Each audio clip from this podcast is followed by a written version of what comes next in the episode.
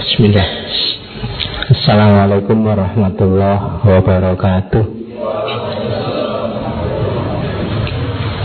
Bismillahirrahmanirrahim. Alhamdulillahirabbil alamin wa bihi nasta'inu ala umurid dunya waddin. Allahumma salli wa sallim wa barik ala habibina wa syafi'ina Sayyidina wa maulana Muhammadin Wa ala alihi wa ashabihi wa man tabi'ahum bi ihsanin ila yaumiddin. Bismillah Kita lanjutkan ngaji kita. Malam hari ini suara saya agak besar ya. Enak bermantap Agak pilek Alhamdulillah masih bisa sakit. Berarti diperhatikan juga sama Allah. Dikasih sakit. Ada hadis yang menyatakan Kalau orang itu begitu sakit Ada empat malaikat yang datang. Yang pertama Mengambil kekuatannya. Malaikat yang kedua melenyapkan lezatnya makanan dari mulutnya. Malaikat yang ketiga menghilangkan cahaya mukanya. Dan malaikat yang terakhir mengambil dosanya. Nanti kalau sudah sembuh, tenaganya dikembalikan lagi Cahaya mukanya dikembalikan lagi. Lezatnya makanan dikembalikan lagi. Tapi dosanya tidak. Jadi dosanya tetap diambil oleh malaikat terus dibuang. Alhamdulillah mengurangi dosa. Jadi saya dikasih sakit ini Alhamdulillah. Dosaku hilang sidik-sidik. Meskipun malam ini harus ngaji ya Saat nyampe-nyampe Temanya mumpung permainan. Jadi Homo ludens Manusia sebagai makhluk yang bermain. Ini tema kelihatannya santai Tapi seperti tema-tema sebelumnya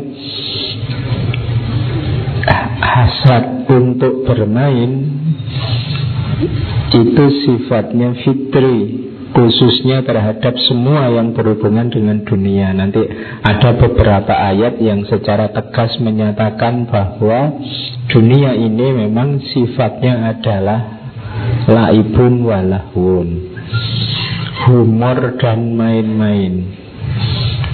Nah, manusia sebagai bagian dari dunia pasti punya karakter itu. Cuma nanti dalam analisisnya para filosof ternyata main-main itu tidak sekedar main-main tapi dia juga serius eksistensial berhubungan dengan hakikat hidup kita. Nah nanti kita lihat ya pelan-pelan seserius apa yang namanya permainan. Ya oke kita awali dari quotes ini quote ini kalau di Indonesia populer sekali tapi bahasa Indonesianya. All the world a stage. Dunia ini panggung sandiwara. Jadi hidup kita ini sebenarnya main drama. Ya meskipun kalau dari wajahmu pasti bukan drama Korea. Iya wajahmu Jawa ya main drama ini ketoprak lah ya apa wayang wong ngono. Pasti bukan drama Korea.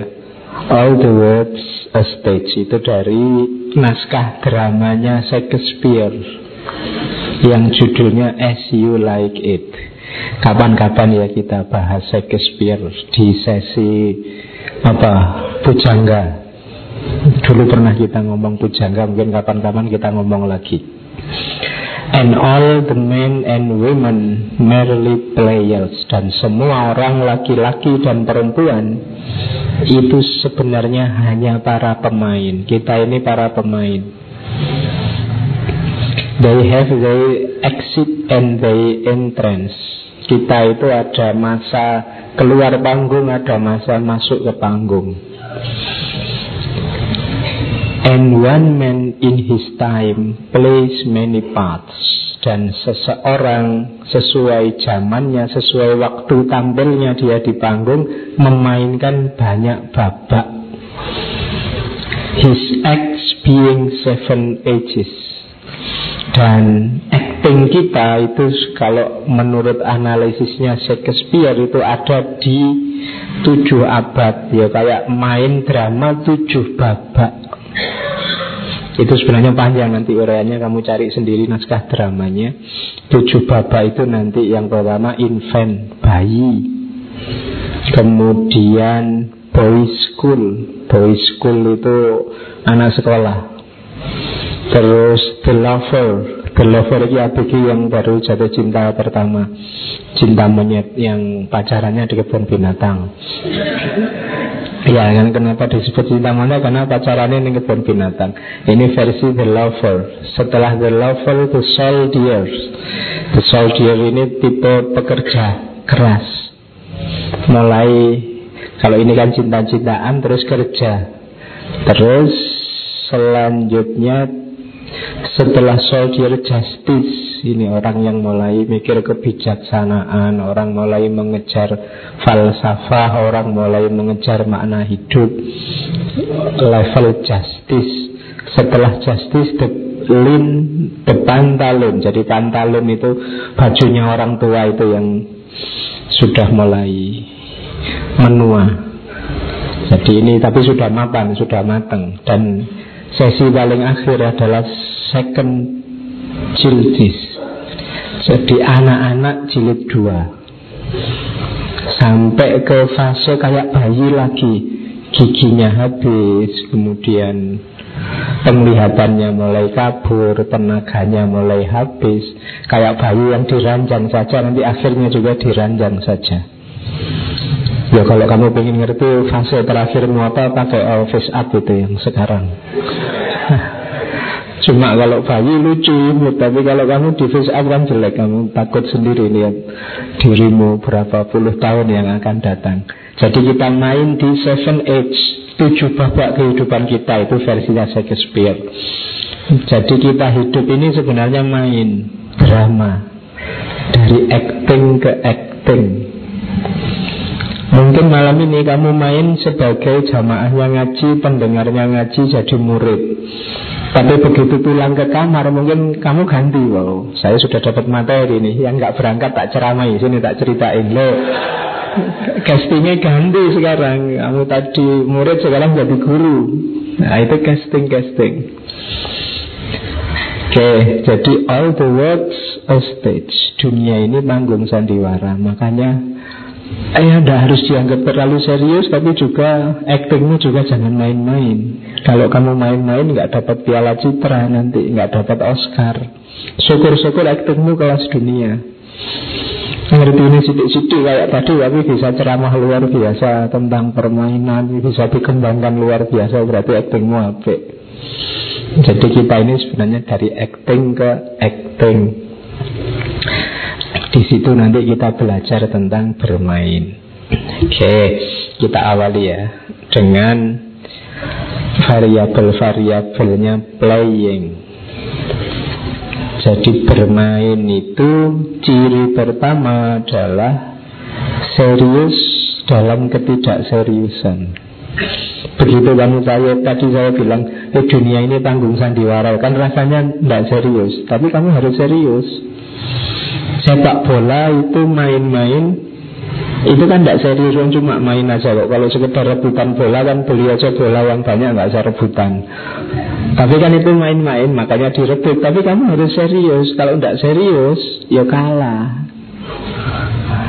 Mau sama-sama actingnya kan jangan acting jadi orang yang kalah, jadi yang menang. Itu kan serius dalam ketidakseriusan. Yang kedua bebas sukarela.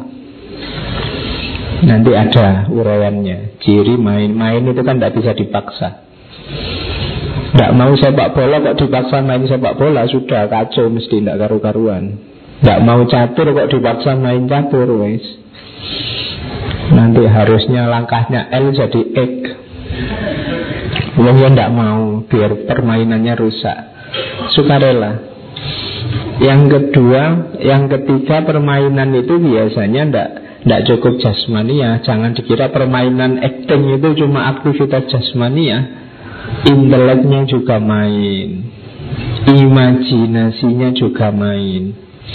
Dulu kalian kecil sering main di luar macam-macam itu Itu kan juga tidak cuma jasmania. Bahkan sekarang banyak permainan yang justru jasmaniahnya paling sedikit. Main lewat gadgetmu, lewat HPmu Itu kan jasmaniahnya paling sedikit. Yang olahraga cuma jarimu. Kamu cuma melungker di kamar tapi Ayo olahraga lari. Ini sudah lari nih pak. Sudah no ya waduh Yang gerak cuma jempolmu Jasmaninya dikit Intelek imajinasinya main Tapi kalau permainan anak-anak zaman dulu kan jasmaninya banyak sekarang mungkin sudah jarang anak-anak malam-malam main di luar itu kan tidak ada. Yang di luar malah yang tua-tua. Nah ya kan yang anak-anak itu dulu ada terang bulan itu pada keluar main. Sekarang kan tidak nunggu bulan kan sudah terang di luar itu. Tapi anak-anak sudah tidak ada yang main di luar, sudah pegang gadgetnya sendiri-sendiri. Itu playing. Kemudian efek menyenangkan. Orang main itu kan mesti senang. Makanya kalau hidup ini tanggung sandiwara, rugi kalau kamu sumpah uang main itu yang dicari kan efek menyenangkannya Bahagialah kamu main Main catur, main sepak bola Main petak umpet, main opo wawes Kan itu nyari seneng. Maka orang itu bermain untuk mencari seneng. Jangan main yang tidak enak Yang terus kamu sumpek. Seandainya kok kamu ketemu cerita yang tidak enak Kisah yang tidak enak Anggap saja itu acting Begitu kamu ada masalah besar Ah enggak apa-apa Cuma acting aja. Kan Castingnya kebetulan jadi Iya Seanggapan castingmu sedang casting sedih kan itu aja. Bang ini permainan Dia lagi casting seneng. Kalau ada Kamu pas enggak punya duit sama sekali Temenmu uang banyak Oh enggak ini castingnya aja. Ini cuma sandiwara. Biar kamu enggak terlalu sumpek. Nah, itu ada efek menyenangkan dalam hidup, dalam permainan itu. Kemudian yang terakhir Prosesnya yang bisa dinikmati. Sepak bola itu kalau kamu hanya lihat hasilnya kan tidak seru. Yang seru itu mainnya. Berapa tadi malam? 3-0 selesai. Tidak enak. Yang enak itu kamu melekan nonton sambil Ada tegangnya ada ya, Menikmati prosesnya. Syukur-syukur kamu main sendiri. Itu lebih nikmat daripada cuma nonton. Kenapa? Nikmatnya beda kalau komentator bisa ngomong apa aja. Bisa jebret-jebret tendangan LDR Bisa macam-macam ngomongnya. Tapi kan yang asik itu prosesnya. Tidak sekedar hasilnya. Kalau sekedar hasilnya TV-TV nggak perlu bikin live siaran langsung sepak bola. Tinggal dia tenang aja besok tak umumin hasilnya berapa gitu Enggak, yang enak main itu prosesnya. Kalian main jadi mahasiswa. Itu kan yang asik itu menikmati prosesnya. Kalau sekedar Yang penting kan gelar sama ijazah apa hasilnya? Ya beliau aja selesai. Bikin aja print sendiri ijazah kan selesai. Walau yang sekarang kurang canggih apa kamu bikin gitu-gitu. Jadi Enggak, hidup ini nikmati prosesnya Sakit nikmati prosesnya sakit Dari ngereges sedikit Badan panas, demam Terus itu kan gitu. Dinikmati Terus ada tahap-tahapnya. Kamu jadi apa pun nikmati prosesnya. Dalam permainan hidup. Justru seninya ada di situ. Kalau di teologi kan Hasil itu urusannya Allah. Proses yang ada dalam kuasa kita. Maka nikmati prosesnya Gimana sakitnya kamu bikin makalah Harus melekan malam-malam Sampai begitu Pagi belum selesai harus masuk kelas terus terpaksa bohong sama dosennya printer saya rusak pak. Kemudian nah itu itu kan ada seninya. Besok kamu bisa cerita ke anakmu oh bapak dulu waktu kuliah gagah berani loh misalnya. Ada tugas nggak dikerjain aja berani masuk bapak masa kamu nggak berani? Nah itu kan ada ada yang diceritain, ada prosesnya. Yang cerita kuliah, cerita belajar itu kan kan yang terkesan di kepala kan yang aneh-aneh. Kamu dijewer dosenmu, dipukul dosenmu itu kan malah jadi kenangan. Dosen yang kejeng-kejeng malah jadi kenangan. Apa prosesnya asik. Nikmati saja prosesmu. Jadi main itu dia bebas, menyenangkan, melibatkan semua aspek tubuhmu. Prosesnya harus kamu nikmati. Dia tidak serius, tapi harus kamu seriusi. Itulah play, permainan. Katanya Plato, life must be lived as play. Hidupmu harus kamu jalani sebagai permainan. Bahkan katanya Plato, you can discover more about a person in an hour of play than in a year conversation. Katanya Plato, engkau bisa menemukan seseorang wataknya, cirinya, karakternya in an hour of play. Dalam waktu satu jam kamu bermain bareng, bermain bareng itu ya terlibat bersama dibandingkan hanya ngobrol meskipun itu satu tahun. Karena kalau dari ngobrolnya orang itu bisa ngomong macam-macam. Saya itu orang baik loh, saya itu orang soleh loh, saya itu tidak sombong loh, itu lah cangkeme.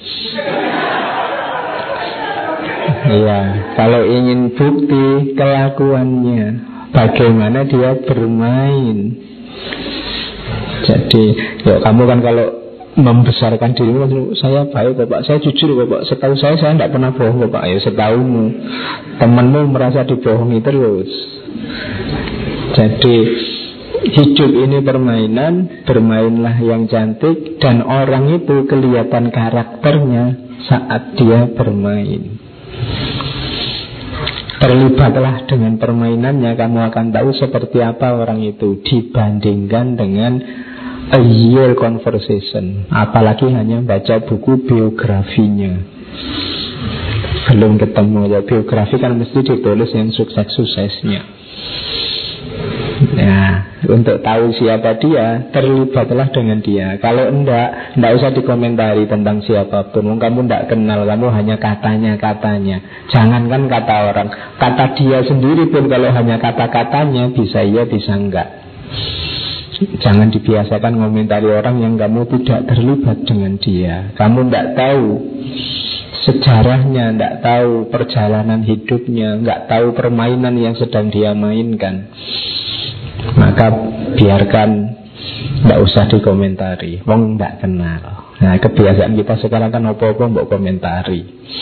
Ada cerita apa saja kamu komentari tentang orang yang kamu tidak pernah main sama dia. Makanya kalau ingin paham seseorang, ajaklah dia main. Nanti ya ke sana ya, main yuk gitu.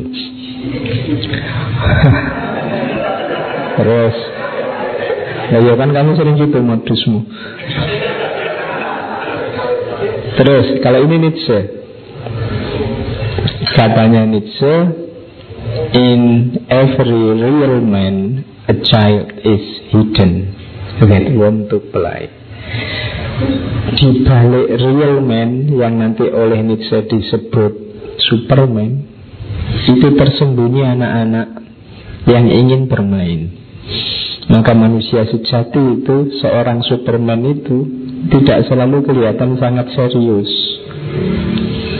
Dia bisa iseng, dia bisa santai, dia bisa main-main, tapi dia berkuasa apa yang dia inginkan dia mau berjuang dan mau memenuhi. Itu cirinya real man kan Supermannya Nietzsche. Jadi dibalik manusia sejati itu ada anak-anak yang ingin bermain. Maka kalau ada orang yang kok hidupnya serius terus tidak ada santai-santainya. Sesekali rekreasi main apalah Guyon apalah. Serius terus? Berarti dia tidak sejati sebagai manusia. Kehilangan fitrahnya beberapa Kayak fitrah. Kemarin kan humoriden Seorang itu bisa tertawa, bisa santai. Kalau hari ini homoluden Orang itu sekali-sekali bermain jadi in every real man a child is hidden that want to play. Jadi kalau ada temenmu kok tiba-tiba usil, ndak usah marah. Oh ini anak-anaknya baru muncul. Ya, kalau usil itu anak-anaknya baru muncul. Kan kamu sering kan kadang-kadang usil, ndak ada angin, ndak ada hujan, nanti temannya di depan ditendang. Oh sorry ya ngantuk misalnya. Padahal tadi ya niat. Ah, itu anak-anaknya yang sedang keluar. Tidak apa-apa ya manusia itu memang kadang begitu ada isengnya. Nah, temannya mau nulis pulpennya didelek Itu kan play. Ingin bermain. Jadi Ini insting Dalam diri manusia Yaitu insting untuk bermain. Oke. Kita mulai belajar teori sekarang. Teori-teori klasik Tentang permainan Nanti ada teori-teori modern. Ini dari para tokoh Kebanyakan psikolog. Kalau yang teori klasik.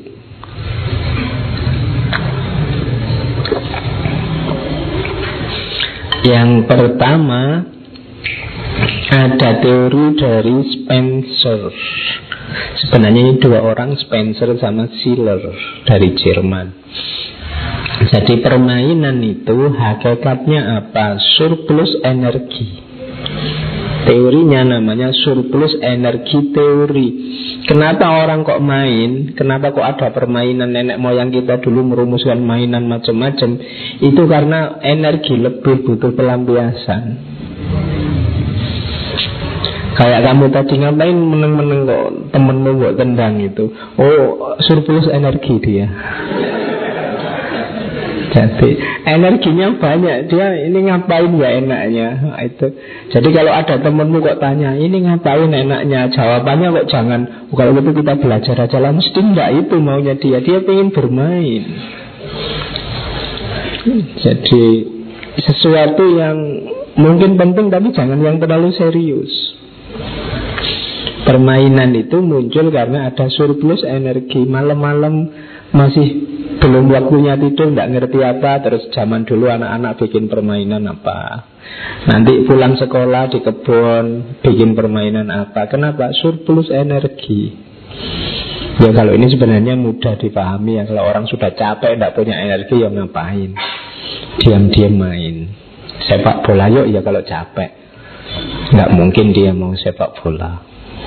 Jadi teori paling awal kenapa manusia itu bermain karena energinya lebih Nah, cara paling gampang nolak orang berarti kalau kamu diajak main tidak mau jawab saja energiku habis. Betul, iya. Kalau mau ngajak aku main traktir dulu biar energinya balik. Kalau langsung main tidak kuat aku kan gitu. Nah, itu pakai teori surplus energi. Yang kedua, kalau ini di mana-mana dikenal ya rekreatif teori Lazarus. Katanya Lazarus yo main itu dalam rangka relax, rekreasi. Hidup itu ya tidak cuma isi, kadang-kadang juga kosong. Kalau pakai teorinya Demokritus itu kan alam ini tersusun dari atom dan kekosongan, atom dan kekosongan kan gitu. Hidup juga begitu, dia sempurna kalau ada seriusnya, ada santainya, ada kerja kerasnya, ada istirahatnya. Minggu lalu kan diajarkan itu ya serius ya kadang-kadang humor. Kalau humor terus hidupmu ya tidak karu-karuan, serius terus ya kacau. Jadi lengkap. Nah, permainan ini bagian rekreatifnya. Kok kamu tiba-tiba merasa jenuh luar biasa, cari permainan. Kalau kamu kok misalnya HPmu kok dipakai ngaji terus wah saya kok capek pak ngaji terus ya sekali-sekali game Jangan dibalik, main game terus capek pak, ya sekali-sekali ngaji. ya. Jadi rekreatif itu komplementernya pasangannya serius. Jadi permainan itu anak-anak itu karena sejak pagi sudah serius di sekolah begitu pulang dia butuh main rekreatif. Jangan pagi sekolah, siang les, malamnya ngaji, kemudian habis tenaganya, dia tidak menikmati hidupnya, serius terus. Jadi harus ada faktor rekreatifnya. Meskipun juga jangan rekreasi terus. Jalan-jalan ter orang itu butuh piknik iya, tapi jangan piknik terus. Duitnya siapa dipakai piknik terus? Kan harus cari kerja juga untuk jalan-jalan buat pikniknya. Nah itu rekreatif teori. Yang punya teori Lazarus. Yang nomor tiga, kalau ini Karl Gross. Ini lebih serius teorinya. Karl Gross namanya anticipatory theory. Semua jenis permainan katanya Gross itu sifatnya adalah menanamkan skill tertentu secara menyenangkan yang ini nanti dibutuhkan untuk masa depan. Anak-anak itu bermain, ini sebenarnya ada hikmahnya kalau bahasanya filsafat, ada manfaatnya. Di balik permainan itu ada skill-skill mungkin fisik, mungkin mental yang diperlukan untuk masa depannya. Ada permainan catur misalnya. Oh, itu kan oh, latihan mikir, latihan strategi. Besok di masa depan kita butuh itu. Itu namanya anticipatory theory. Ada permainan sepak bola. Oh, ini latihan. Saya ngerti besok kita butuh nendang siapa gitu. Di masa depan. Jadi setiap yang kita lakukan sekarang dalam bentuk permainan itu sebenarnya melatih skill tertentu yang kita butuhkan besok di masa depan. Misalnya ada main apa wes zaman kecil dulu main petak umpet sembunyi-sembunyian. Yang satu jadi polisi, yang satu jadi maling. Ya mungkin itu latihan siapa tahu besok jadi polisi beneran. ya, itu antisipasi teori. Jadi meng, jadi ada rahasianya Skill itu yang ditanamkan Kalau ditanamkan tidak Secara serius tegangkan bisa lebih masuk Kadang-kadang kamu punya skill apa gitu. Waktu kecilnya main kelereng gitu kan. Sobat ngerti besok kamu jadi pejabat Butuh main golf. Lo itu kan rumusnya sama tuh Memasukkan ke lubang kan itu aja. Lo itu kamu sudah dilatih jadi Besok kalau kamu jadi pejabat diajak golf. Santai aja Waktu kecil saya sering main kelereng. Jadi Itu antisipatory teori. Yang terakhir Di dunia klasik ada teori rekapitulasi jadi recapitulation theory yang punya teori Stanley Hall. Kalau ini kebalikannya. Jadi permainan yang kita bikin hari ini itu sebenarnya warisan dari nenek moyang mungkin dalam bentuk skill, insting, kemampuan apa. Yang sekarang tidak dipakai, tidak ada pelampiasannya. Maka dihidupkan lagi rekapitulasi Dihidupkan lagi lewat permainan. Jadi mungkin nenek moyang kita dulu suka lari Karena memang tidak ada transportasi misalnya Sementara hari ini kaki ini nggak terlalu banyak dipakai keluar sedikit naik sepeda, naik motor, naik mobil kan jarang dipakai. Maka apa? Insting untuk memanfaatkan kaki itu terus larinya ke permainan. Ada lomba lari, sepak bola, macam-macam. Jadi itu insting di Indonesia misalnya ada lomba kalau tujuh belasan itu panjat pinang itu mungkin termasuk recapitulation. Dulu nenek moyang kita mungkin suka manjat kelapa, manjat pohon apa. Lah sekarang pohonnya sudah mulai habis. Nah, insting untuk naik, eh, naik apa ini enaknya? Sudahlah bikin lomba panjat pinang itu. Lampiaskan hasratmu untuk naik dengan naik pinang yang dilumuri uli itu. Nah, Itu namanya recapitulation teori Warisan dari masa lalu Mungkin nempel di DNA kita Yang tidak terlampiaskan Nenek moyangmu dulu mungkin sering perang. Ketemu musuh perang. Sekarang tidak ada perang Enaknya gimana? Perang aja lewat catur aja lah sudah. Nanti ini rajanya, ini kudanya, ini bentengnya Itu kan kayak kerajaan lawan kerajaan. Jadi insting penaklukannya sekarang disublimasi jadi catur. Nah, Itu recapitulation teori Jadi ya termasuk peta umpet tadi Kejar-kejaran tadi. Mungkin nenek moyangmu dulu Sering dikejar-kejar penjajah. Akhirnya sekarang tidak ada yang ngejar ya sudahlah Mainlah peta umpet misalnya. Nah, Itu recapitulation teori. Yang punya teori namanya Stanley Hall. Nah ini menarik. Silahkan yang mau meneliti permainan tertentu Jangan-jangan ini warisan nenek moyang kita Dulu ada Zaman saya kecil ada yang main bikin kotak-kotak di tanah Terus kita sambil pakai pecahannya genteng itu. Itu mungkin agak primitif itu mungkin nenek moyang kita kan suka gambar-gambar gitu terus diloncat-loncati. Nah itu bisa recapitulation teori Dulu batu ditumpuk-tumpuk terus dilempar piar terus itu mungkin recapitulation teori insting primitif kita main. Kalau sekarang kan mungkin tidak ada orang main gitu. Kalau melempari kacanya tetangga ada. Jadi mungkin itu termasuk insting dari nenek moyang kita untuk Oke, kali ini teori klasik. Jadi ada beberapa teori untuk menjelaskan mengapa orang itu bermain.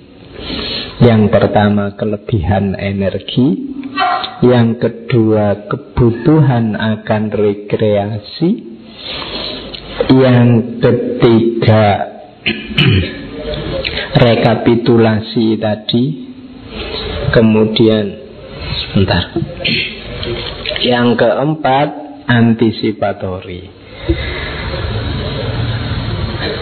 Kalau ini yang teori modern Sebenarnya mungkin setiap teori melihatnya tidak harus yang klasik itu sudah out of date Tapi yang klasik bicara pada zamannya. Ketika jenis permainan ya itu-itu Sementara yang modern Para filosof membicarakan juga jenis permainan pada zamannya. Ketika perubahan sudah luar biasa yang terkenal pertama di dunia modern permainan itu dari psikoanalisis. Katanya para filosof psikoanalisis permainan adalah media untuk melepaskan emosi-emosi dalam diri dan mengatasi pengalaman traumatik. Jadi kalau banyak emosimu terpendam yang negatif itu kan merusak hidupmu. Kalau ingin melampiaskan, cari permainan. Jadi bikin permainan yang hasrat dalam jiwamu terpenuhi. Kalau misalnya kamu saking panasnya ingin maki-maki orang ya daripada ini tidak terlampiaskan, ikut aja lomba debat misalnya. Itu kan kamu bisa ngeritik sak kapok, eh kan tidak ada. Berani orang marah-marah kamu. ini cuma lomba kok. iya kan? Kalah juga tidak apa-apa. Yang penting puas kamu bisa maki-maki. Itu contoh bahwa permainan itu katarsis. Jadi dia untuk Menyelamatkan biar tidak meledak dirimu ini. Ada banyak problem, banyak masalah main lah Jadi kalau kamu misalnya pengen mukuli orang ya sudah Olahraga aja tinju. Ini kamu bisa bebas mukuli orang. Kalau kamu pengen nendangi orang ya sepak bola boleh. Pengen ngeplai orang bisa main volley Kalau pengen Loh, ini namanya pelampiasan katarsis. Itu kan kamu bisa ngeplak sak kapoe Bisa anu sak keras-kerasnya seitunya Nah itu katanya orang psikoanalisis itu menguntungkan secara psikologis. Jadi ada jalan untuk melampiaskan yang terpendam dalam dirimu. Mungkin diceritakan tidak bisa kan banyak masalah yang masalahmu itu apa sih? Tidak tahu saya tapi jenuhnya luar biasa, muaknya saya luar biasa, sumpah aku lihat sih. Sudahlah olahraga, mainlah keluar. Cari pelampiasan apa Sampai kamu keringetan, sampai capek Energimu habis, biasanya terus lega Nah itu teori psikoanalisis. Yang kedua teori kognitif. Kalau ini sangat psikologi Katanya kognitif ya main itu Sebenarnya mengikuti perkembangan usia. Di setiap anak setiap manusia itu di tahap-tahap usianya ada permainan-permainan sendiri. Jadi teorinya itu yang ini jangan dilewatkan. Kalau dilewatkan nanti perkembangannya jadi tidak normal.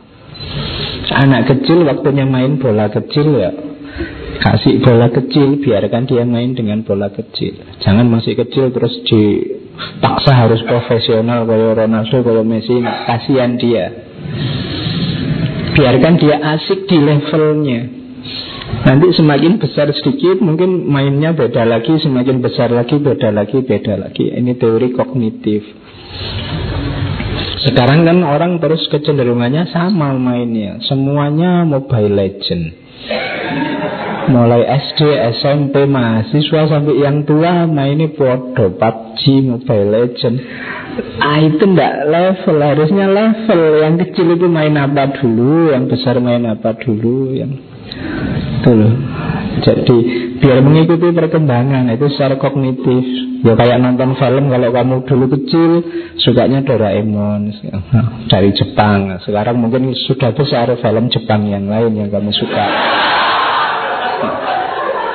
Loh. Right Ya normal, masuk kamu masih suka Doraemon. Oke. Okay. Kok banyak yang ketawa berarti langganan semua. Terus, ah, itu perkembangan kognitif. Jadi butuh permainan yang berbeda sesuai levelnya dan ini harus diikuti sebagai manusia yang normal. Terus yang ketiga permainan itu masuk teori belajar sosial. Jadi di teori ini permainan itu sebenarnya salah satu media kita untuk berinteraksi dengan orang lain. Teori ini pasti tidak laku kalau permainannya sudah permainan model online. Jadi ini mungkin permainannya masih permainan yang ketemu orang lain sepak bola bareng-bareng. Sekarang olahraga juga kan sudah mulai online. Main sepak bola adu tapi FIFA-nya FIFA game. Kemudian manajernya manajer game. Itu kan sudah tidak ada sense sosialnya. Padahal di antara fungsinya permainan ada teori permainan, teori belajar sosial.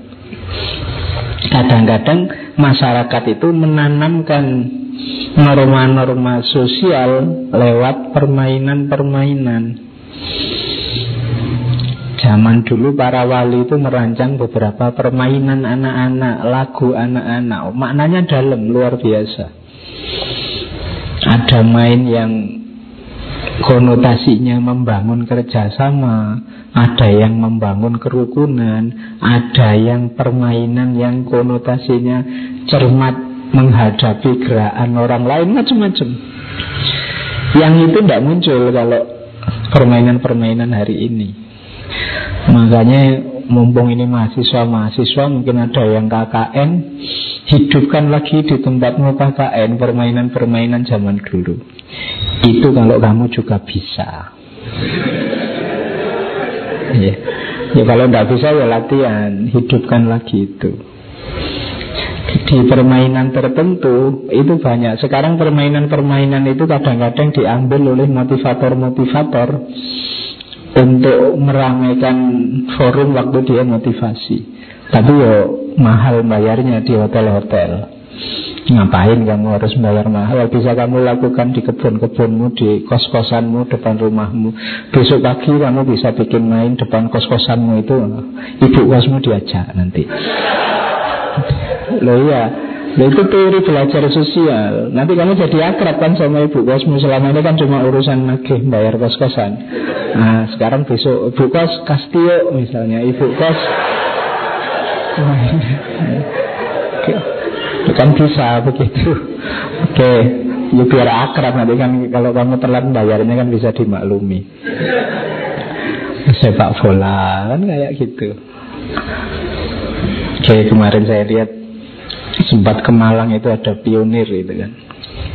Lihat mahasiswa main sepak bola Terus ada dosen Wah mahasiswa saya itu saya tidak tahu bisa menang apa enggak Wong sama dosennya aja kalah. Terus saya bilang, oh itu berarti mahasiswa yang baik Pak. Karena kalau melawan dosennya kan dia tetap harus menjaga adab di depan dosen.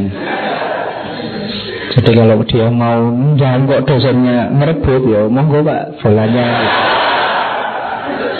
Ya itu kan sama dosennya Oke berarti dia masih menjaga adab Oke itu teori belajar sosial Ada yang terakhir, kalau ini hari ini banyak teori kompensasi. Ini ketika permainan jadi sangat serius. Sekarang permainan itu jadi bagian hidup yang serius sepak bola misalnya. Itu kan kalau kamu ingin hidupmu nyaman Jadi pemain sepak bola yang profesional Pemain golf profesional Ini terus jadi serius. Jadi misalnya anak-anak latihan nari itu sebenarnya kan permainan tapi kemudian ada yang jadi penari yang ini jadi profesi. Nah, ini namanya teori kompensasi. Tidak hanya dilihat unsur menyenangkannya tapi juga mengejar efek selanjutnya dari permainan itu. Mungkin bisnisnya, ekonominya, mungkin nah, pokoknya di luar yang semula hanya menyenangkan saja. Nah ini Namanya teori kompensasi. Dicari kompensasinya Tidak sekedar permainannya. Nah itu teori hari ini. Jadi orang bermain itu Kenapa kamu latihan sepak bola serius sekali? Biar besok jadi pemain bola profesional. Jadi mengejar hidup yang serius Lewat jalan main-main. Namanya sepak bola. Kan ada sampai supporter bola itu saking sayangnya sama klubnya dibelani tawuran, dibelani ada yang sampai bunuh diri ketika klubnya kalah macam-macam. Ini sudah masuk teori kompensasi. Tidak sekedar melihat permainannya.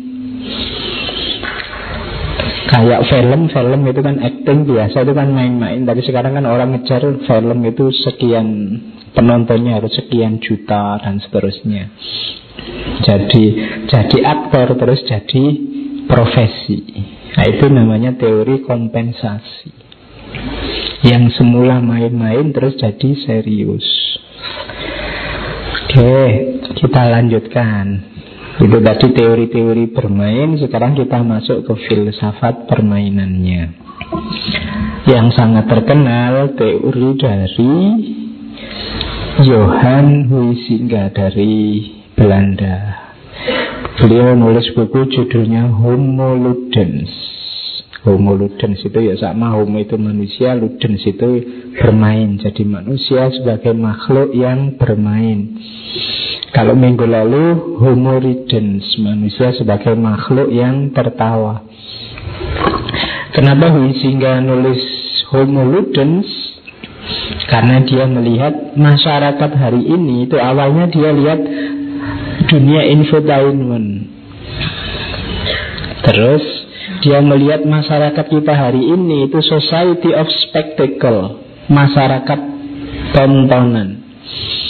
Ludik society, masyarakat permainan. Industri hiburan kan luar biasa, infotainment, digital games kan. Jadi di semua aspek hidupnya manusia unsur permainannya sangat kelihatan. Makanya muncul istilah homoludens. Apa-apa diatur permainan. Bahkan nanti belakangan muncul namanya homo festivus. Homo festivus itu manusia itu makhluk yang suka pesta. Apa-apa dibikin pesta, dibikin hura-hura. Nanti ada orang tabrakan Kamu juga akan bikin hura-hura Di kerubung rame orang nonton. Yang nolong mungkin hanya satu dua. Ada bencana jadi tontonan. Ada manusia itu apa-apa jadi festivus. Gunung meletus. Besok orang pada ke sana. Kenapa? Nonton gunung meletus. Itu festivus. Kita suka pesta pora Suka hura-hura. Nah Katanya sehingga manusia itu memang ciri eksistensialnya ludens melengkapi dua ciri sebelumnya. manusia kan dikenal ada homo faber sama homo sapien. Homo sapien berpikir, faber bekerja, ludens bermain. Jadi hidup ini ya mikir, ya kerja, ya main thinking, working, playing. Tiga-tiganya harus ada biar lengkap. Tidak mikir bukan manusia. Tidak working ngapain jadi manusia. Tidak playing serius amat jadi manusia. Jadi tiga itu ya. Thinking, working, playing. Jadikan itu rumus nanti. Jadi kamu bisa memedomani hari ini aku sudah mikir apa belum? Sudah working apa belum? Sudah pelayan apa belum? Jangan-jangan hari ini. Saya masih hanya pelayan saja pak. Workingnya belum. Saya sudah thinking pak Tapi workingnya nanti. Nah itu silahkan kamu cermati dirimu. Katanya Huizinga Manusia itu Ya working Ya thinking Ya playing. Itulah teori homo ludens. Hakikatnya apa? Itu hakikat kebenaran menurut Huizinga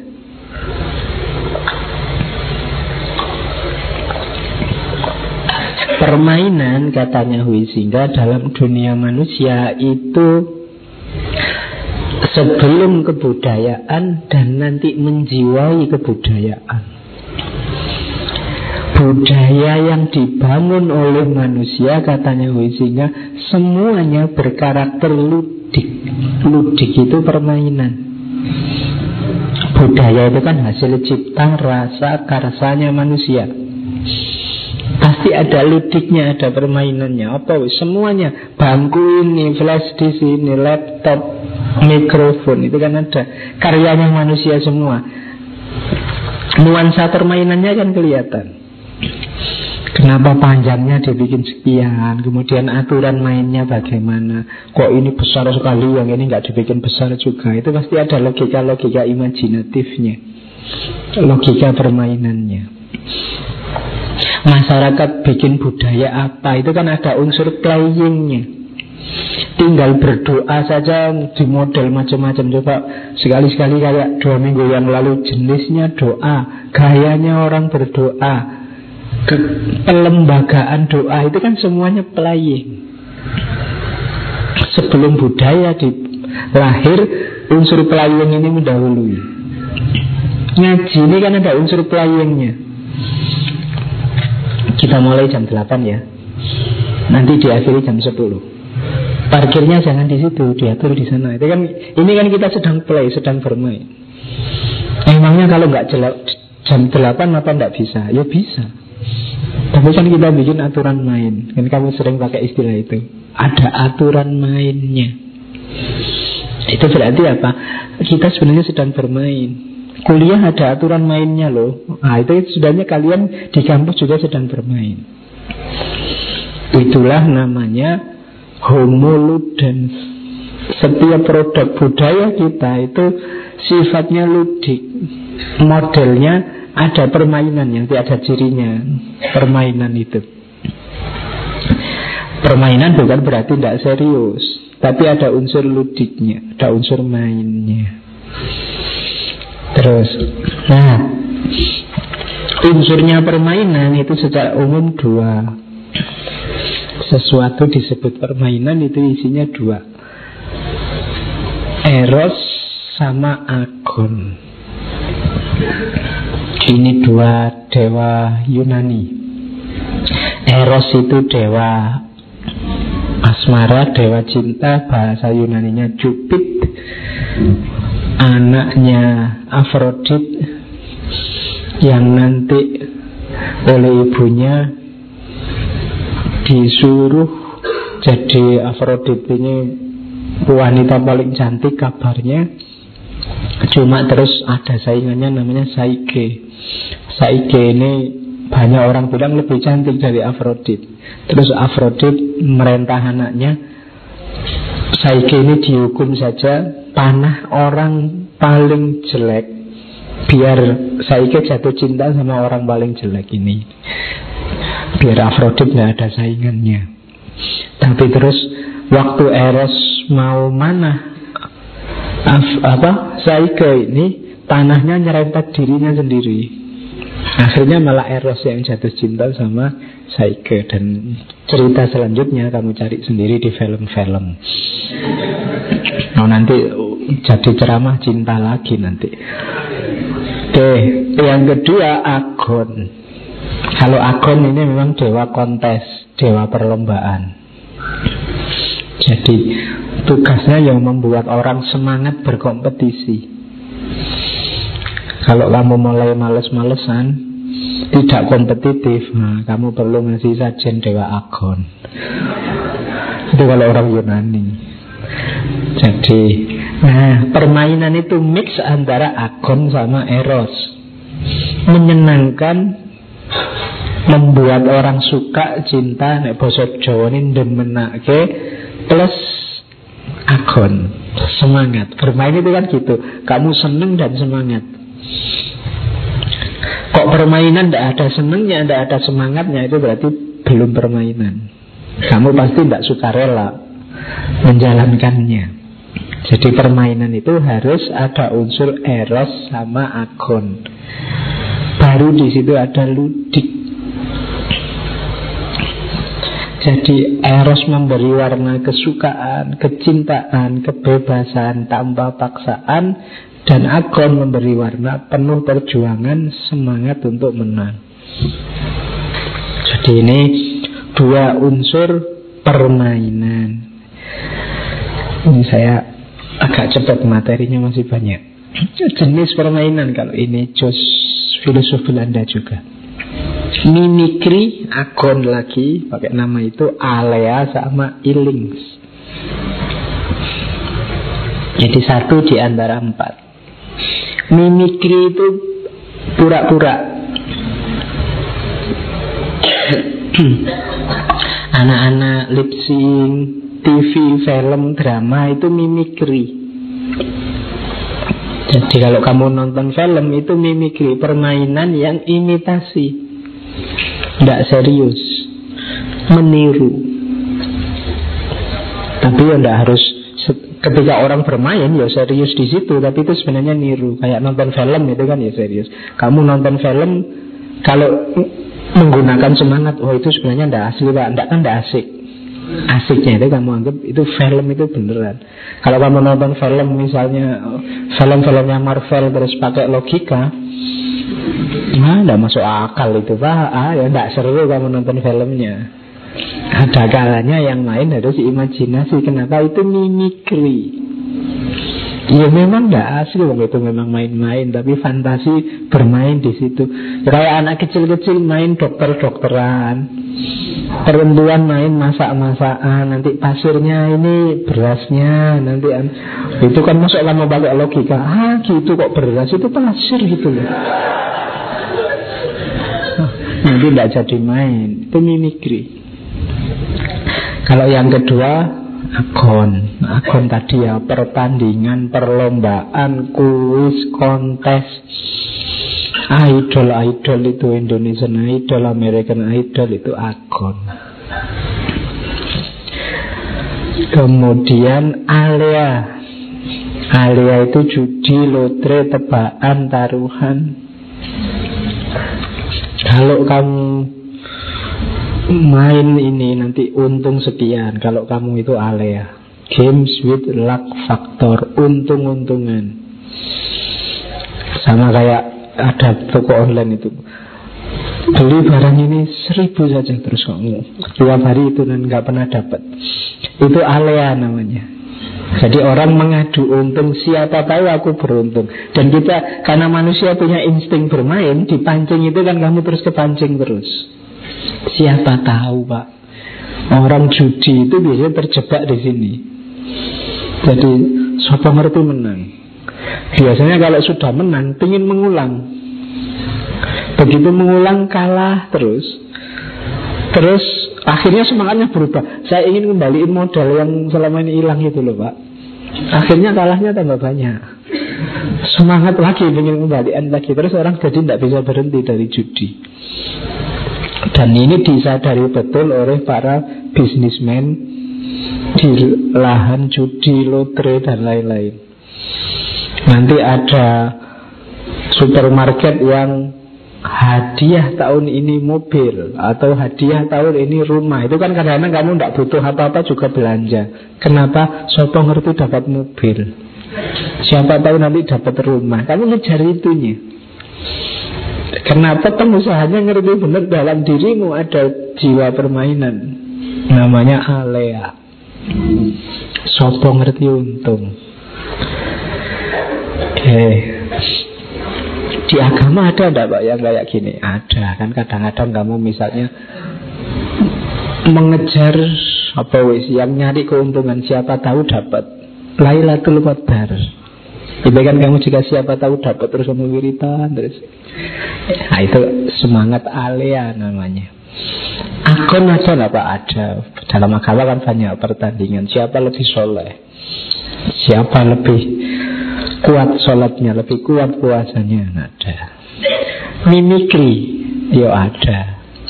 Wong kang soleh kumpulono Dekat sama orang-orang soleh biar bisa niru Itu mimikri Permainan Ilings Iling itu Kalau ini permainan yang adrenalin terjun payung atau terjun gedung terjun gedung bukan bunuh diri ya. Terjun gedung itu ya permainan roller coaster itu kan adrenalin. Jadi permainan ini memang keras biasanya. Namanya ilings kalau zaman dulu mungkin termasuk tinju itu ilings kelas. Jadi perasaan tegang adrenalin terpacu itu namanya iling jenis-jenis permainan jadi ada empat. Mimikri, Agon, Alea, sama Iling. Ini katanya filosof Belanda. Oke sekarang cirinya permainan. Yang pertama permainan itu bebas. Freedom.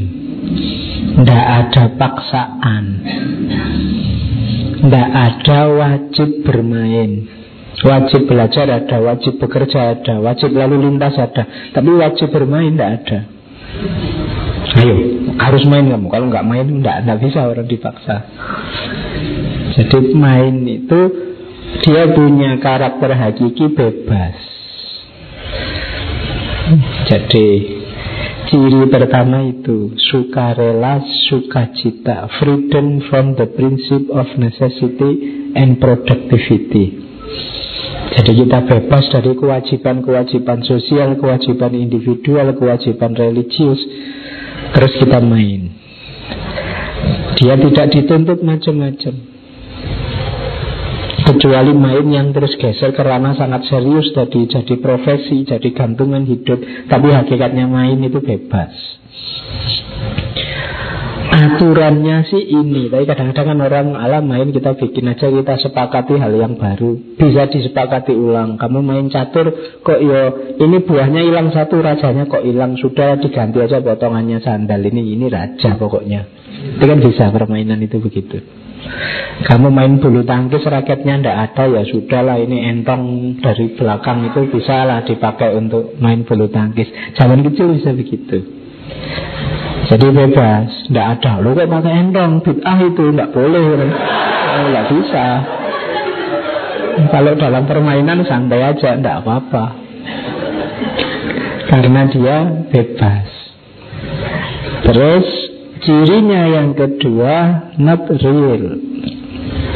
Jadi rata-rata permainan itu kayak mimikri tadi paling jelas menunjukkan dia bukan ordinary life. Itu main itu lebih banyak dunia seakan-akan. Dunia as if di situ tadi saya ilustrasikan ya. Anak-anak main warung-warungan, pasir jadi beras, lumpur jadi kue, rumput jadi sayur, batu jadi buah. Ini kan not real. Jadi antara as is dengan as if. Jadi seolah-olah. Jadi itu bukan dunia nyata. Kayak sepak bola itu kan ya bukan sebenarnya not real. Klubmu kalah bukan berarti kan hidupmu kalah. Ya biasa saja klub kalah besok bisa menang. Kalau kalah terus ya besok besok bisa menang. Kok masih kalah lagi? Besok besok besok siapa tahu bisa menang. Dunia permainan Kadang-kadang yang dianggap kalah tiba-tiba menang Dan not real Tidak apa-apa Sepak bola itu not real di situ saya ilustrasikan dunia SF itu misalnya tahun berapa itu waktu Yunani. Waktu Yunani menang sepak bola Piala Eropa, itu orang Yunani senangnya luar biasa. Pemain-pemain ini bahkan dianggap bukan manusia lagi, kayak dewa bisa. Oh itu ngalah-ngalahi dewa Dipuja-puja, dipuji-puji kayak dewa Nah diperlakukan kayak dewa ini kan as if namanya di dunia sosial kan banyak as if. Mungkin kamu mengidolakan ustadz siapa, mengidolakan tokoh siapa, itu kan kamu puja, kamu puji di HPmu gambar dia di mana-mana tentang dia itu as if. Suka drama Korea apa, kemudian kamu itu as if. Seolah-olah drama itu penting sekali buat hidupmu, itu as if. Telat satu seri saja kamu bentuknya luar biasa, itu as if. Not real. Bukan ordinary life. Itulah cirinya permainan. Oke. Okay. Jadi katanya Walter Bunyamin Kecenderungan untuk beralih dari as is ke dunia as if Itulah kecenderungan mimikri Kecenderungan meniru Membayangkan Menghayati apa yang kita rindukan Seakan-akan sudah atau segera terjadi Ketika mental kita ini berarti kita ada sedang di dunia permainan. Oke. Terus ciri yang ketiga ruang dan waktu khusus. Jadi permainan itu harus jelas ruang dan waktunya. Kalau tidak nanti orang bingung aturan dimulai jam 8 selesai jam 10 ini untuk ruang dan waktu permainan yang namanya ngaji filsafat. Aturan ini mungkin tidak laku di ruang dan waktu yang lain. Untuk khutbah Jumat tidak bisa malam kemis gitu loh. Itu ada aturan mainnya sendiri. Jadi ciri permainan itu ruang dan waktunya khusus. Ada yang perlu tempat khusus, kadang-kadang waktunya saja yang khusus, kadang ruangnya saja yang khusus. Tapi harus jelas medannya. Jadi makanya ada lain lubuk, lain belalang. Itu kan menunjukkan bahwa setiap ruang sosial dia punya dimensi permainannya sendiri. Permainan di sini mungkin tidak cocok dengan permainan di sana. Nah itu ciri yang ketiga permainan. Jadi kenapa harus jelas ruang dan waktunya dalam rangka ini loh. Yang pertama exhibition. Ya kamu harus jelas tampilmu itu kapan kan jelas. Yang kedua concentration biar. Setelah ini sudah nggak perlu tegang lagi ngaji kamu bisa ngapain aja. Kalau sudah selesai ngaji jam 10 itu kan karena ini masih ngaji konsentrasi ini masih fokus ke sini itu concentration. Sepak bola juga begitu kan 45 menit dua kali 45 menit setelah itu ya bebas. Jadi meskipun bolanya sudah keluar, wasit itu nggak nyemprit kalau sudah selesai sepak bola. Misalnya sudah period selesai itu kan ruang dan waktunya selesai. Pemainnya megang bola nggak apa-apa nggak ada yang teriak penalti penalti. Oh, sudah bubar kok. Ya, sudah nggak penalti lagi. Kenapa? Waktunya selesai. Gitu Jadi itu concentration Jadi pendukung. Yang ketiga protection Perlindungan. Jadi banyak permainan yang hanya bisa dilakukan di ruang dan waktunya. Di luar itu jangan Tinju misalnya ya waktu tinju itu sudah selesai rondenya di bawah jangan tinju lagi tawuran itu namanya. Nah, itu protection yang tidak boleh di permainan di luar ruang dan waktunya itu bisa boleh kalau ruang dan waktunya pas. Maki-maki boleh mungkin waktunya lomba debat biar menang menjelek-jelekkan lawan debatmu itu mungkin kadang-kadang pandangan anda salah pandangan anda kiri itu kan menjatuhkan menjelekkan. Tapi yo Wong memang lomba. Di ruang dan waktunya pas. Tapi di luar itu tidak boleh. Wong kadang-kadang pelanggaran saja bisa dimaklumi. Kayak sepak bola itu harusnya nendang bolanya kamu nendang dodonnya musuhnya misalnya. Itu kan pelanggaran tapi kan terlindungi. Jadi ada aturan-aturannya jadi ciri yang ketiga itu Ruang dan waktunya harus pas. Ciri yang keempat Rules of the game. Kalau ini pasti Ada aturannya yang disepakati.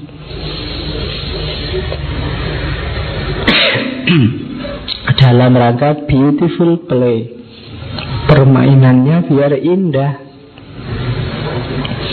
Kadang-kadang untuk menegakkan aturan ada wasitnya yang enak kan kalau ada wasitnya Wasitnya kalau keliru dia bisa ngeprint Fungsi proteksi tadi dijalankan oleh wasitnya. Makanya kalian memasuki medan apa saja Harus tahu rule of the game-nya. Ini aturannya gimana?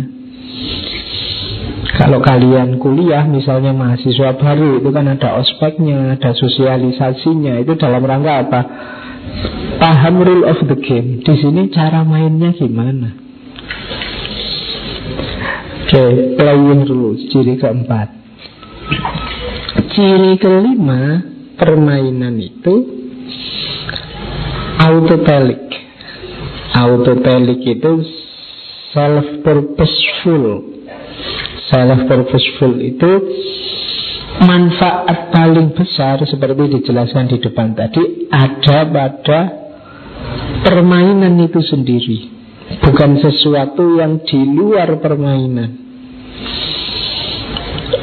Jadi permainan itu hasilnya apa? Perasaan pengalaman para pemainnya. Bukan dampak medisnya. Misalnya kalau kamu ikut tinju badanmu mesti kotak-kotak atau itu kan dampak kesehatannya bukan sosial finansial. Kalau kamu jadi pemain sepak bola kamu pasti kaya. Bukan itu sebenarnya intinya. Terdapat pada apa? Ludic experience. Ludic experience itu pengalaman permainannya. Ludic experience itu apa? Fluctuation modulation of a stream of emotion and experience. Oke, bahasa Inggris ini. Jadi arus emosi, gelombang emosi yang turun naik. Exhibition, challenge, competition, passion, enthusiasm, tension, effort, uncertainty, oscillation, variation of move, encounter, move, release, victory, glory. Ini kan kita rasakan dalam permainan. Terus gampang-gampang. Ini kalau kamu nonton sepak bola itu kan Kadang jengkel, kadang marah, kadang misuh, kadang teriak-teriak gembira, kadang. Lalu permainan itu di situ nikmatnya Kayak main bulu tangkis itu ada, iya ada ya itu kan serunya itu di situ. Kan tidak enak main kok sambil diam aja sambil ya sudah, ya sudah kan tidak seru. Yang seru itu ada teriaknya, ada excitednya, ada kecewanya karena keliru, ada itu seru. Jadi justru tujuannya permainan itu di situ. Kalau hidupmu adalah permainan, maka nikmati setiap naik turunnya gelombang permainan dalam hidupmu. Serunya di situ. Kadang-kadang ya tertawa karena kamu sukses, kadang-kadang ya nangis karena kamu sedih. Tapi ingat-ingatlah itu hanya acting. Mungkin besok castingmu ganti terus kamu seneng Dikasih skenario baru yang menyenangkan terus kamu seneng Jadi autotelik nikmatnya hidup justru dimerasakan macam-macam ini. Kalau hidupmu seneng terus enak terus Tidak ada gelombangnya juga tidak seru. Apalagi jelek terus Sumpah terus juga tidak seru kamu kurang cerdas melihat di mana sela-sela hidupmu ada sisi menyenangkannya, ada sisi susahnya. Kalau tidak percaya kamu sekarang silahkan refleksikan hidupmu. Kamu bisa milih, oh hidupku yang bagian ini seneng pak, saya harus ketawa. Tapi bagian ini agak mulus saya pak, saya agak sumpet. Tapi bagian ini pasti ada itunya. Nikmati semuanya. Senengnya, tidak senengnya, nikmatilah. Indahnya permainan di situ. Ya kamu nonton film tokoh antagonis atau protagonis itu kan macam-macam. Kalau dia protagonis awalnya susah-susah, nanti begitu dia seneng filmnya selesai. Kalau dia antagonis seneng terus, begitu dia susah filmnya selesai. Kamu milih yang mana? Mungkin ada naik turunnya hidup ini. Nah itulah cirinya purposeful Puncaknya apa? Ekstasi personal Apakah ekstasi itu individual hanya satu orang yang mengalami atau kolektif sekelompok orang atau massal sangat banyak orang atau global semua orang? Saya sendiri yang senang hari ini Pak, boleh. Untuk kasus tertentu saya dan kelompok saya senang Pak karena menang kemarin boleh. Pokoknya itu namanya ekstasi personal. Ketika dalam permainan kamu sukses jadi nikmati naik turunnya hidupmu dan purposefulnya permainan dalam kehidupanmu. Di situlah rahasia homo ludens. Manusia sebagai makhluk yang bermain. Terus Kalau ini lebih dalam lagi membaca permainan dari Simon Sinek. Simon Sinek ini motivator, pengarang, British American. Jadi dia melihat gayanya orang hidup kalau dari perspektif permainan ada dua gaya. Ada orang yang gayanya finite game ada orang yang gayanya infinite game. Finite itu terbatas, infinite itu permainan yang tak terbatas. Jadi bedanya apa finite sama infinite? Kalau finite game yang terbatas tadi orang bermain untuk segera menang. Gimana caranya? Apa pun yang terjadi saya harus menang dengan cara apa pun. Nah, itu finite, finite game. Jadi berpikirnya gampang-gampangnya jangka pendek, jangka pendek. Tidak berpikir jauh ke depan. Itu orang yang bermain secara terbatas. Hanya ingin sukses hari ini. Pokoknya saya harus dapat dia, Pak. Caranya apa pun Tidak bisa jalur verbal ya jalur non formal Tidak bisa ya jalur spiritual Tidak bisa ya jalur Pokoknya itu atau yang dalam pikiranmu biar segera kamu sukses. Ini orang yang gaya hidupnya finite, terbatas. Hanya penglihatannya hanya dibatasi oleh itu, tidak melihat ke depan. Kebalikannya ada orang yang infinite game. Infinite game ini orang yang jangkauannya panjang. Iya sih menang itu penting, tapi dia tidak segalanya. Dia ingin step by step menikmati prosesnya orientasinya ke depan dan panjang. Jadi hari ini kalah tidak apa-apa. Yang penting saya belajar besok lebih baik lagi, lebih baik lagi. Ini orang yang ada dalam gaya infinite game. Jadi permainan yang tidak terbatas Orang yang memainkan permainan tak terbatas akan bermain untuk bisa tetap bermain. Ia bermain untuk jangka panjang dengan aturan permainan yang terus berubah, tidak kaku. Tapi orang yang finite game, dia ingin pokoknya menang. Dan setelah pertandingan selesai, dianggap dia sudah sukses. Padahal hidup ini tidak sesederhana itu. Jadi orang yang ikut permainan tak terbatas, gaya hidupnya bermain tapi bermain infinite, itu cirinya apa? Dia tidak rakus. Kadang menang, kadang kalah, kalah tidak apa-apa. Tidak ngejar ranking, tidak pusing siapa nomor satu ranking ranking pertama siapa lulus kumlot tercepat terbaik siapa peduli amat. Fokus utamanya apa? Aku berkembang lebih baik terus. Saingan utamanya musuhnya biasanya siapa? Dirinya sendiri. Jadi orang yang orientasinya panjang itu berat memang, tapi dia akan jadi orang yang lebih baik terus menerus dan musuh utamanya adalah dirinya sendiri. Ada nomor dua yang finite, yang terbatas.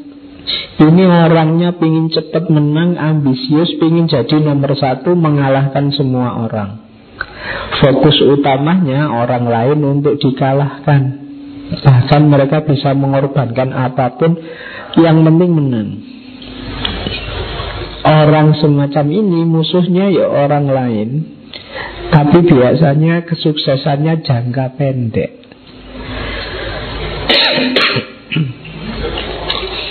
Jadi menang sekarang saja.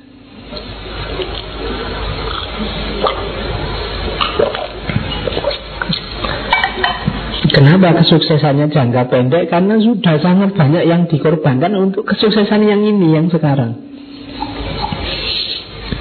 Saya ada banyak teman yang seusia-seusia saya sudah penyakitnya panen macam-macam. Kenapa mungkin dulu Mungkin waktu mahasiswa dia sangat serius belajar Melekan tiap hari ngejar target ini, target itu Akhirnya apa? Fisiknya tidak diperhatikan Pokoknya kawinane ngopi, melekan, ngerokok Kemudian kuno gitu Terus dengan begadang Dengan ritme yang sering Kemudian akhirnya apa? Usianya belum terlalu tua Penyakitnya macam-macam Kayak saya ini watuk, pilek itu kan biasa ini penyakitnya orang miskin nih. Iya.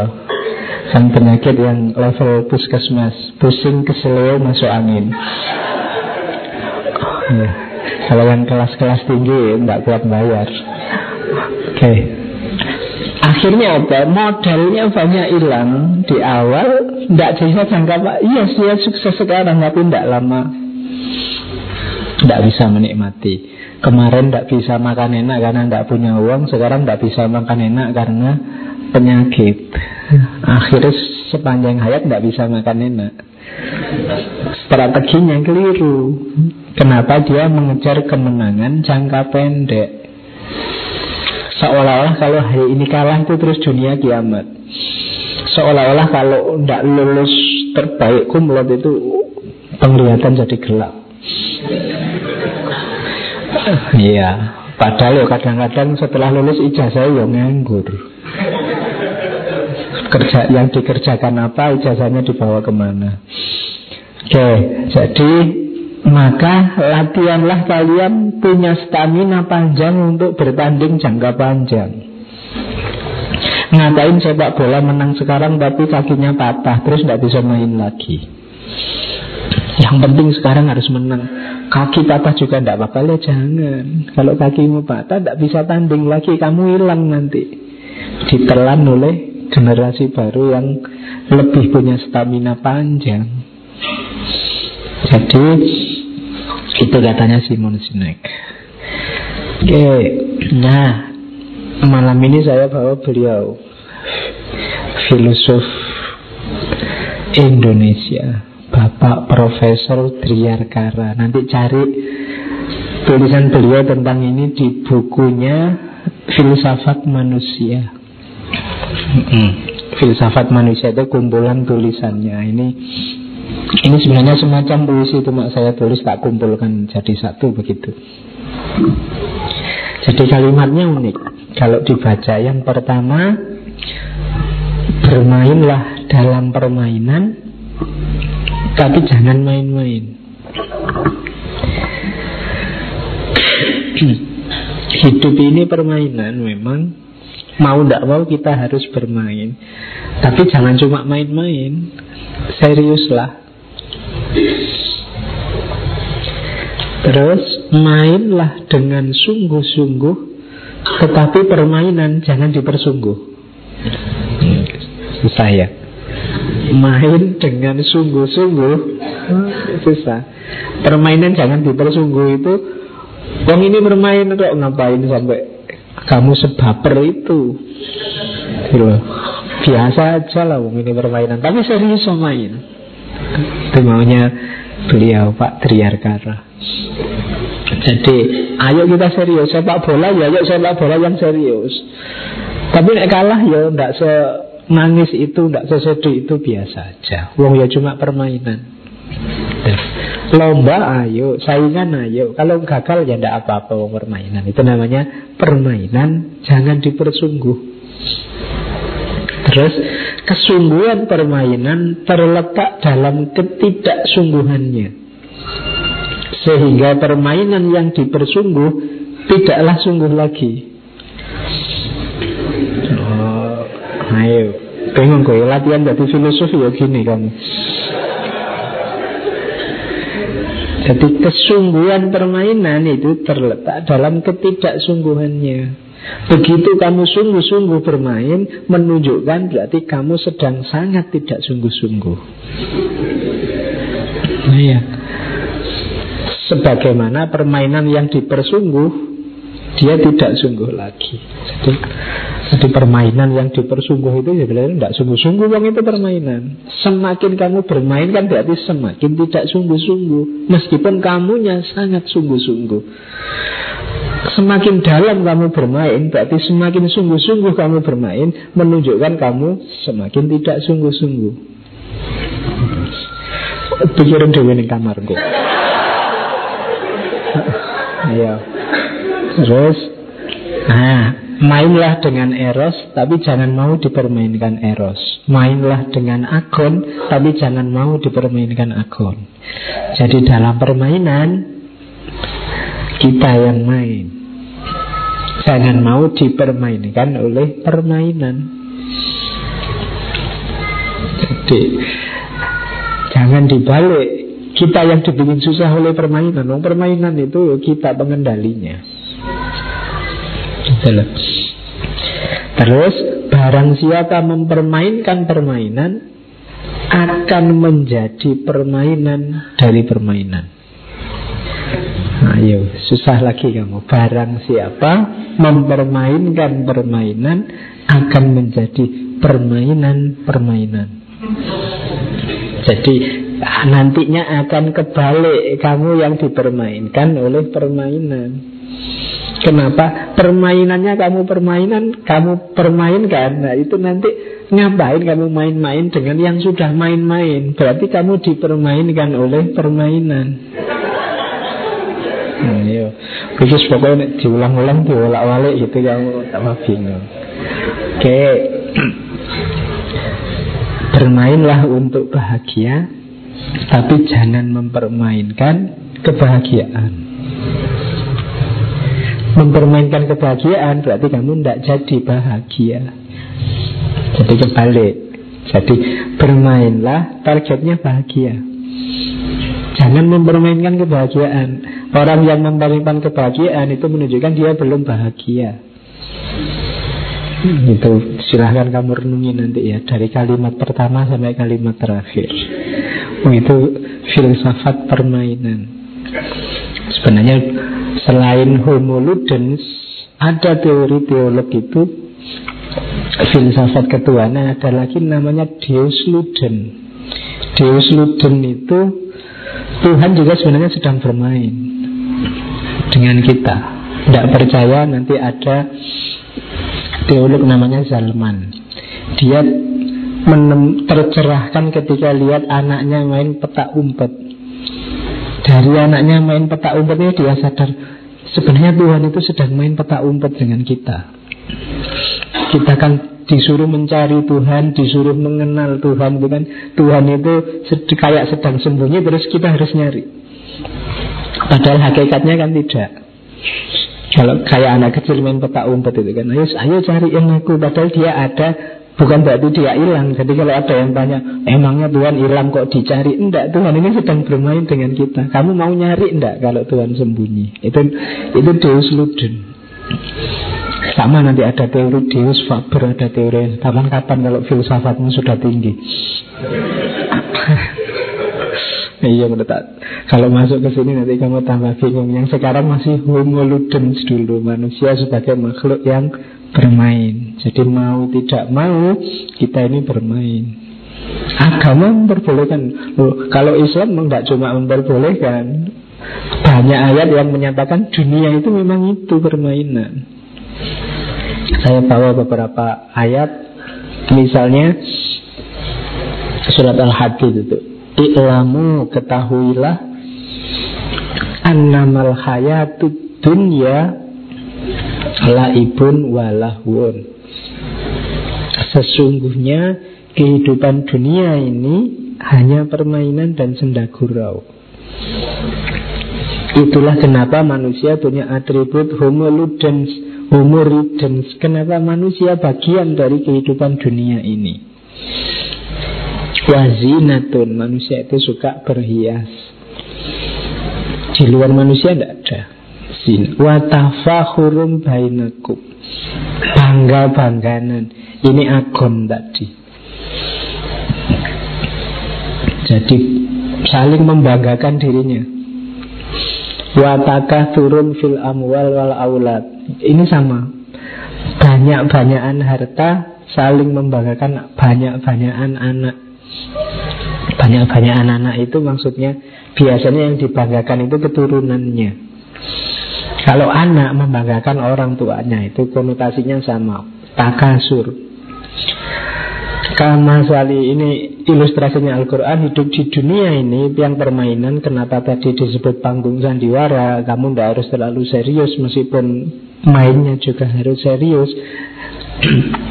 Karena hidup di dunia ini Kama sali waisin A'jabal kufara nabatuhu Summa yahiju Fatarohu musfarran Summa yakunu hutoma Jadi seperti hois hujan A'jabal kufara nabatuhu Yang membuat Ingat-ingat ya di situ kufar bukan artinya orang kafir ya. Kufar di situ artinya petani. Jadi tidak semua kata-kata kafir dalam Al-Quran itu artinya orang kafir, kufar. Jadi kamu tidak apa-apa. Dasar kamu kafir, ah, saya memang anaknya petani.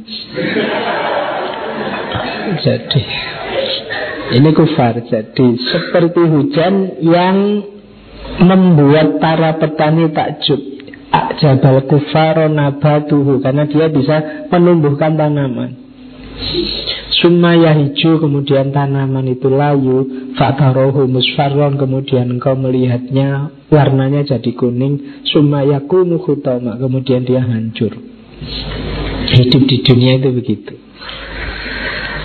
Tumbuh, layu, menguning, hancur. Ini kan permainan. Laibun walahun Meskipun manusia membanggakan itu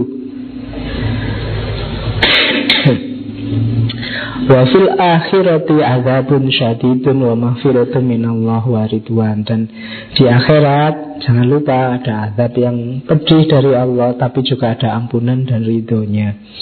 Wa mal hayatud dunya illa mata'ul hurur Dan bukanlah kehidupan dunia itu kecuali kesenangan yang menipu. Karena ini drama maka Kamu mengalami senang atau sedih, tidak usah baper. Kalau tidak kamu tertipu, biasa saja. Gagal atau sukses biasa saja. Wong inilah ibun walahun. Kalau kamu kayak sepak bola itu kalah ya besok main lagi. Cuma itu saja. Menang ya alhamdulillah syukuran, tapi besok ya main lagi. Jadi itulah laibun walahun. Makanya Ayat Al-An'am itu wa mal hayatid dunya illa laibun walahun walad darul akhiratu khairul lilladzina yattaqun. Dunia jangan diambil baper, akhirat yang lebih penting. Fokusnya ke sana. Kata-kata terakhirnya afala tak kilun. Apa kamu tidak berpikir Kalau pikiranmu panjang Kamu pasti ngerti bahwa Dunia ini memang Tidak layak untuk dianggap terlalu serius bisa menipu. Oke, dan jangan tegang-tegang wong ini permainan. Makanya ada hadis itu yang saya lupa dulu di sesi apa saya sampaikan ketika ada salah seorang sahabatnya Nabi yang galau. Jadi beliau ini galau karena namanya Hamdullah jadi di hadis itu kunna inda Rasulillah sallallahu alaihi wasallam fawa'adhuna fadzakarna kami bersama Rasulullah. Terus Rasulullah memberi nasihat kami tentang neraka. Kola katanya Hamdulillah Summa jitu ilal bait. Terus aku pulang ke rumah Wala abdul mar'ah. Di rumah habis di masjid dengar tentang neraka rasanya ya Allah tobat. Begitu ke rumah ketawa ketawa lagi sama anak-anak main lagi sama istri.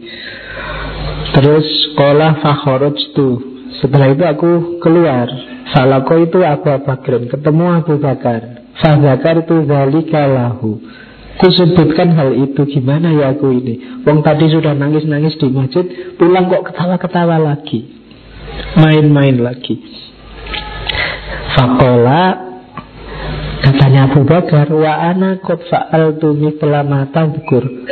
Aku juga melakukan seperti kamu. Saya juga gitu di masjid kayak tobat-tobat kayak ini. Tapi balik eh gitu lagi. Iya. Falakina Rasulullah. Terus kami bertemu menghadap pada Rasulullah. Fakultu Ya Rasulullah nafako hamdulillah Terus aku berkata Wahai Rasulullah Nafako hamdulillah Alhamdulillah ini sudah munafik ya Rasulullah. Dia mengeluh karena Jangan-jangan aku ini munafik ya. Kata eh sudah tobat Tapi masih diulang-ulang lagi. Fakola mahu. Katanya Rasulullah ada apa Fahadas dulu fil hadis. Terus aku cerita situasiku. Fakola Abu Bakar ditambahi sama Abu Bakar Wa ana fa'al tu mitla fa'ala. Aku juga melakukan seperti yang dilakukan Hanzala. Di masjid sudah nangis-nangis tepat Tapi begitu pulang ketemu anak-anak Ketemu istri ya main-main lagi. Fakola katanya Rasulullah Ya Hanzala Saatan wa saatan. Wahai Hanzala Saatan-saatan. Nanti di hadis yang lain ini diulang oleh Rasulullah tiga kali. Jadi segalanya ada waktunya. Tidak apa-apa Tidak usah kamu galau merasa terus munafik. Walau karena takunu bukum kama takuna indah mikri Kalau hatimu bisa konsisten kayak di masjid La sofahat kumul malaika. Malaikat akan datang nyalami kamu. Kalau kamu bisa gitu terus Malaikat itu teko wis. Hatta alaikum fitorik Nanti malaikat itu jalan-jalan Wah assalamualaikum. Alhamdulillah Bisa gitu kalau kamu kayak gitu. Tidak wong kita manusia Katanya Rasul. Tidak apa-apa. Ada waktu serius Ada waktu bermain. Jadi saatan Saatan. Cari di Soheh Muslim. Rasulullah juga pernah bersabda innal kuluba idza kallat mallat wa idza mallat amiyat hati-hati yang terlalu serius yang hidupnya tidak pernah senyum sesungguhnya hati itu apabila dia capek dia jenuh. Apabila dia jenuh, maka dia buta. Jadi jangan terlalu dibuat capek. Harus ada fase istirahatnya. Kalau tidak, nanti malah tidak bisa dipakai batinmu karena buta. Jadi tidak apa-apa. Ada dimensi main-main dalam kehidupan kita untuk istirahat katarsis. Biar tidak terlalu kaku, tidak terlalu serius. Oke, kalau ini Imam Ghazali. Imam Ghazali juga nyuruh khususnya bagi ini dalam Ihya. Harusnya seyogyanya. Jadi mungkin karena ini di Jogja saat tulis seyogyanya. Iya. Iya nanti kalau neng Solo sesolonya nanti. Si guru katanya Ustadz itu harusnya apa? Mempersilahkan murid untuk bermain Setelah usai dari pelajarannya Bermain dengan permainan yang indah Yang mengistirahatkan dari lelahnya bangku pelajaran. Sekiranya tidak lelah dalam bermain Tapi yo jangan sampai kelelahan gara-gara bermain. Tapi ada istirahat bermainnya. Apabila si guru melarang si anak bermain dan memforsir untuk selalu belajar sekarang kan banyak anak-anak dipaksa macam-macam. Kalau berangkat sekolah itu kayak tentara mau perang itu. Perang sele beratnya luar biasa Bukunya berapa itu kan. Nanti habis sekolah masih ada les Habis les nanti sorenya ngaji Malamnya disuruh tahfidz. Diversir untuk belajar katanya Imam Ghazali Maka justru akan mematikan hatinya. Membatalkan kecerdasannya, bahkan mengajarkannya untuk berlaku curang. Karena anak ini dibebani target macam-macam kadang-kadang dia ingin jalan bebas yang penting targetnya terpenuhi. Sehingga akhirnya kita kerja dua kali untuk cari cara keluar dari problem ini. Makanya katanya Imam Ghazali ya, nanti yang para pendidik anak-anakmu, muridmu itu ya jangan diforsir untuk belajar. Ada mainnya juga Tidak apa-apa Oke terus. Kalau ini Josh Bernard so, We don't stop playing because we grow old We grow old because we stop playing? Jadi yang ingin awet muda Sering-seringlah playing, bermain Menikmati hidupmu. Itu jalannya kamu awet muda Bukan berarti Pak saya sudah tua Sudah gak layak bermain. Kebalik katanya so Ketika kamu berhenti bermain Kamu akan jadi tua. Kalau kamu sudah sangat serius Hidupmu nanti ketemu apa-apa dinasehati. Hidup ini rasanya. Ya wis tadi tua berarti sudah. Akhirnya kamu tidak bermain lagi. Jadi we grow out karena Kita stop playing.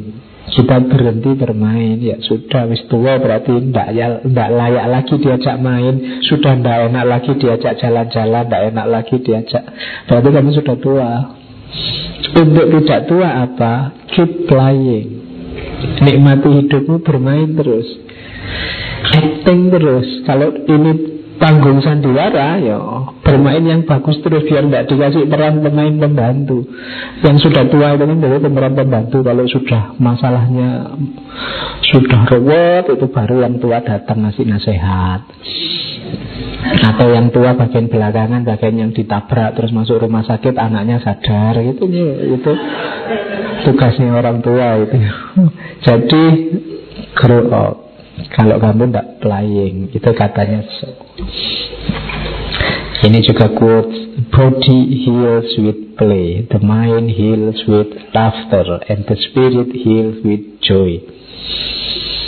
Tubuhmu itu Jasmanimu itu Dia sehat Karena bermain. Pikiranmu sehat Karena kamu tertawa. Dan spiritmu, semangatmu penuh sehat karena kamu gembira. Jadi hiduplah dengan playing, dengan laughter, dengan joy.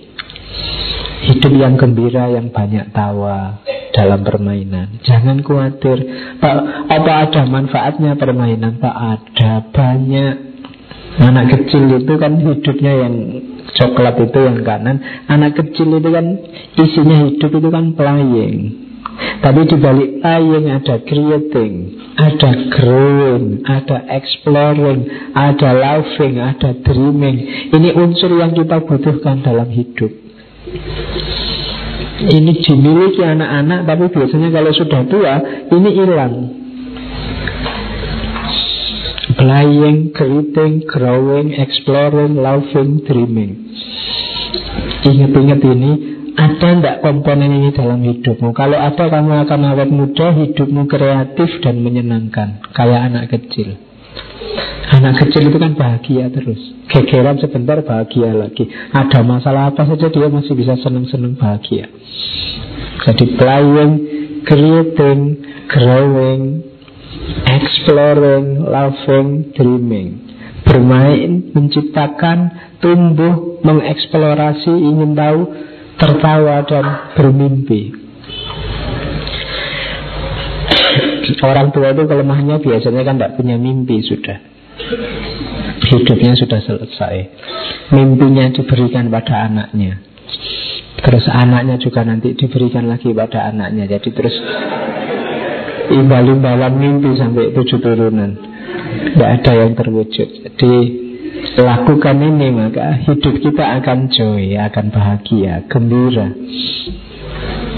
Terus kalau bisa di sini. Ini Al-Mataim yang dulu kita bahas di filsafat sejarah. The supreme accomplishment is to blur the line between word and play. Kalau kita bisa memadukan antara kerja dan permainan, oh itu sudah puncaknya pencapaian. Kerja itu jadinya tidak berat. Jadi kerja itu jadinya menyenangkan. Maka jadikanlah pekerjaanmu sebagai berkarakter playing yang menyenangkan. Apakah itu kuliah, apakah itu kerja, jadi apa saja. Kalau enggak ya kerja dan pelayan ya jalan tapi sendiri-sendiri. Jadi kerja rasanya berat sekali nih Pelayan tetap dia menyenangkan. Cuma kalau kamu bisa mengintegrasikan work and play Katanya Ahmad Toimbi itulah supreme accomplishment. Pencapaian puncak. Jadi seneng Nggak Garap skripsi, garap tesis kalau itu punya kategori playing menyenangkan. Kalau kamu dikejar-kejar kok terus stres terus gara-gara itu berarti dia masih work.